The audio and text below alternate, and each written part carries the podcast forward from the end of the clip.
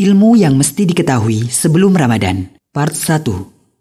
Menyambut bulan suci Ramadan, bulan yang penuh kebaikan di dalamnya, bukan hanya dengan sukacita, persiapan fisik pun dianjurkan untuk dilakukan. Bentuknya adalah dengan banyak puasa sunnah di bulan Sya'ban sebagaimana yang dicontohkan oleh Rasul Shallallahu alaihi wasallam. Perbanyak tobat juga mesti dilakukan agar ibadah kita dimudahkan di bulan Ramadan nanti. Dan yang tak kalah penting, Bekal ilmu lebih-lebih harus kita siapkan agar ibadah kita di bulan Ramadan tidak jadi sia-sia. Ibnul Qayyim dalam Miftah dari Sa'adah berkata, Orang yang beribadah tanpa adanya ilmu, bagai orang yang berjalan tanpa ada penuntun. Sudah dimaklumi bahwa orang yang demikian akan mendapatkan kesukaran dan sulit untuk selamat. Taruhlah ia bisa selamat, tetapi itu jarang. Menurut orang yang berakal, ia tetap saja tak terpuji bahkan pantas dapat celaan. Lalu, apa saja bekal ilmu menyebut Ramadan yang dimaksud? Simak beberapa pembahasan kami ini yang terbagi dalam tiga part. Pertama, ilmu yang harus kita miliki adalah ilmu yang bisa membuat ibadah puasa kita sah, tidak jadi sia-sia, dan semakin membuat puasa kita sempurna serta penuh makna. Puasa artinya menahan diri dari berbagai pembatal puasa mulai dari terbitnya fajar subuh hingga tenggelamnya matahari atau waktu maghrib. Puasa ini diwajibkan bagi orang yang telah balik ditandai dengan mimpi basah atau datang haid pada wanita, berakal atau tidak gila, dalam keadaan sehat dan tidak sedang bersafar.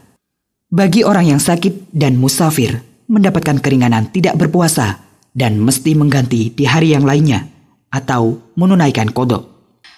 Begitu pula untuk orang sepuh atau tua renta yang tidak kuat lagi untuk berpuasa dan orang yang sakit menahun tak kunjung sembuh, mendapatkan keringanan tidak berpuasa. Sebagai gantinya adalah menunaikan fidyah, yaitu sehari tidak berpuasa berarti menunaikan fidyah berupa satu porsi makanan yang diberikan pada orang miskin. Wanita hamil dan menyusui pun mendapatkan keringanan tidak berpuasa jika mereka merasa berat atau khawatir pada keadaan diri atau bayinya. Sebagai gantinya, wanita hamil dan menyusui tersebut mesti menunaikan kodok di hari lain saat ia mampu. Karena keduanya lebih tepat dimisalkan dengan wanita hamil dan menyusui, bukan dengan orang yang telah sepuh yang hanya menunaikan fidyah. Adapun yang termasuk pembatal puasa adalah makan dan minum dengan sengaja, muntah dengan sengaja, datang head dan nifas, keluar mani saat bercumbu, dan berhubungan intim dengan sengaja. Puasa tersebut dilakukan dengan berniat.